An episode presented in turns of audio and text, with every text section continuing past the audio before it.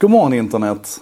Eh, idag befinner jag mig i Stockholm. Eh, och det är för mig lite grann som att pendla till jobb. Eh, att flyga hit är ingenting märkligt. Det räcker alldeles utmärkt med SAS-appen och så är jag på plats. Men jag reser mycket till andra destinationer också och då är det alltid ett meck. Det är svårt med det här med, med, att hitta rätt flyg, det är svårt att hitta rätt boende. När man väl är på plats på en ny destination så är det svårt att hitta bra restauranger att käka på och så vidare.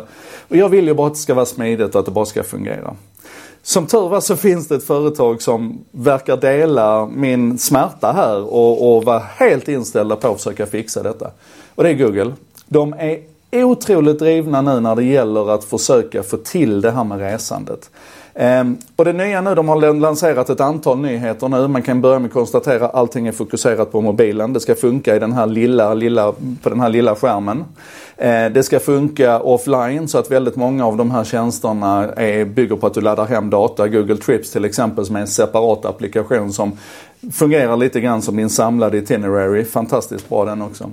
Men just det här fallet nu, det, det nya här nu, det är då att man har släppt ett antal funktioner runt Google Flights och, och, och de här sökfunktionerna som finns för att leta flights. För det vet ni väl att om ni går till Google och skriver flyga till Melbourne så landar ni inte bara i det vanliga traditionella sökresultatet utan ni får, ni landar hos det som heter Google Flights där man då kan börja liksom direkt och massera sin sökning och man kan få, jag skulle vilja påstå att det är en av de absolut bästa flygsökmotorerna som finns där ute.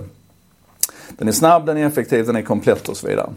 Ehm, det man nu har adderat här det är då ett antal möjligheter att utifrån en, en flygbokning direkt hitta hotell och, och, direkt hitta restauranger och saker att göra på destinationerna. Det man märker här det är hur mycket Google vet om mig. Det är inte bara mina resvanor de har koll på utan de har koll på hela paketet Joakim Jardenberg. Och i just det här fallet så är det skitbra faktiskt. För att det hjälper till att ge mig väldigt relevanta och väldigt bra resultat. Sen märker man också att de har massiva datamängder i bakgrunden här som de kan aggregera på olika sätt. Till exempel så har man nu också släppt att man indikerar flygförseningar. Och man har alltså 80% träffsäkerhet idag baserat på historiska data, AI man lägger på det, realtidsdata man tittar på och sånt så kan man med 80% förutsägbarhet pricka in flygförseningarna. Och enligt vissa uppgifter så är det högre träffsäkerhet än vad flygbolagen själva klarar av att förutsäga. Är ni med? Det här är, det här är jättebra tjänster. Och när nu Google då är så duktiga på de här tjänsterna så märker man också att det infinner sig en annan slags trygghet hos dem. Och jag ska förklara vad jag menar. 2009 så hade vi lite uppståndelse och revolt nästan i internet-Sverige för att en av våra favoriter, Ted Valentin, en, en eh, singelentreprenör som satt på kaféer och kodade ihop fantastiska tjänster. Han eh, byggde kartor på löpande band, alltså karttjänster på löpande band. Det var wifi-kartan, toalettkartan, sushi-kartan, eh, kebabkartan, pizzakartan, massagekartan, är ni med? Som aggregerade information på olika sätt, la på lite användarbetyg på det, hämtade in lite bilder från Instagram och så vidare. Och alltså riktig kvalitetstjänst. Men fortfarande ett slags sök kan man säga. Och det som hände 2009 det var att Google helt plötsligt slutade visa upp de resultaten. Alltså om du sökte på sushi i Helsingborg så kom du helt plötsligt inte till sushikartan vilket du hade gjort tidigare. Och det blev lite uppståndelse och sådär. Och nu känns det som att Google har slutat med sådana, alltså det, det fixar man ju där och då va. Men rent generellt så känns det nu också som att, att Google håller inte på och, och känner att man behöver fula på det viset längre. Man behöver inte hålla undan konkurrenterna för att man är själv så jäkla bra på det här. Så att om du söker på sushi Helsingborg idag så får du överst Google speciellt anpassade liksom sushi eh, information ifrån deras Google Maps och, och länkar direkt till den och Google Business och så.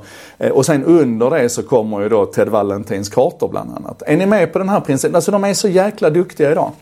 Och det får ju mig att fundera på då, vad krävs egentligen för att man ska kunna utmana Google och, och de här stora bjässarna som, som har en etablerad plattform idag. Låt säga att du skulle få tillgång till all data som Google har tillgång till. Du skulle få tillgång till oändliga resurser, de smartaste människorna och sådär.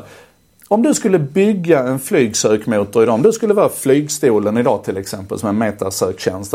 Hur skulle du skjuta in dig på den marknaden och ta position och plats? Att börja fundera över vilka unika värden skulle man kunna tillföra som skulle kunna utmana Google? Jag tycker det är någonting som vi behöver fundera på och försöka knäcka.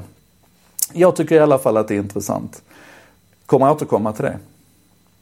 I alla fall, det här var avsnitt 143 av, av En sak idag. Den skapades av mig, Joakim Jardenberg, med stöd från Bredband2 och Contentor.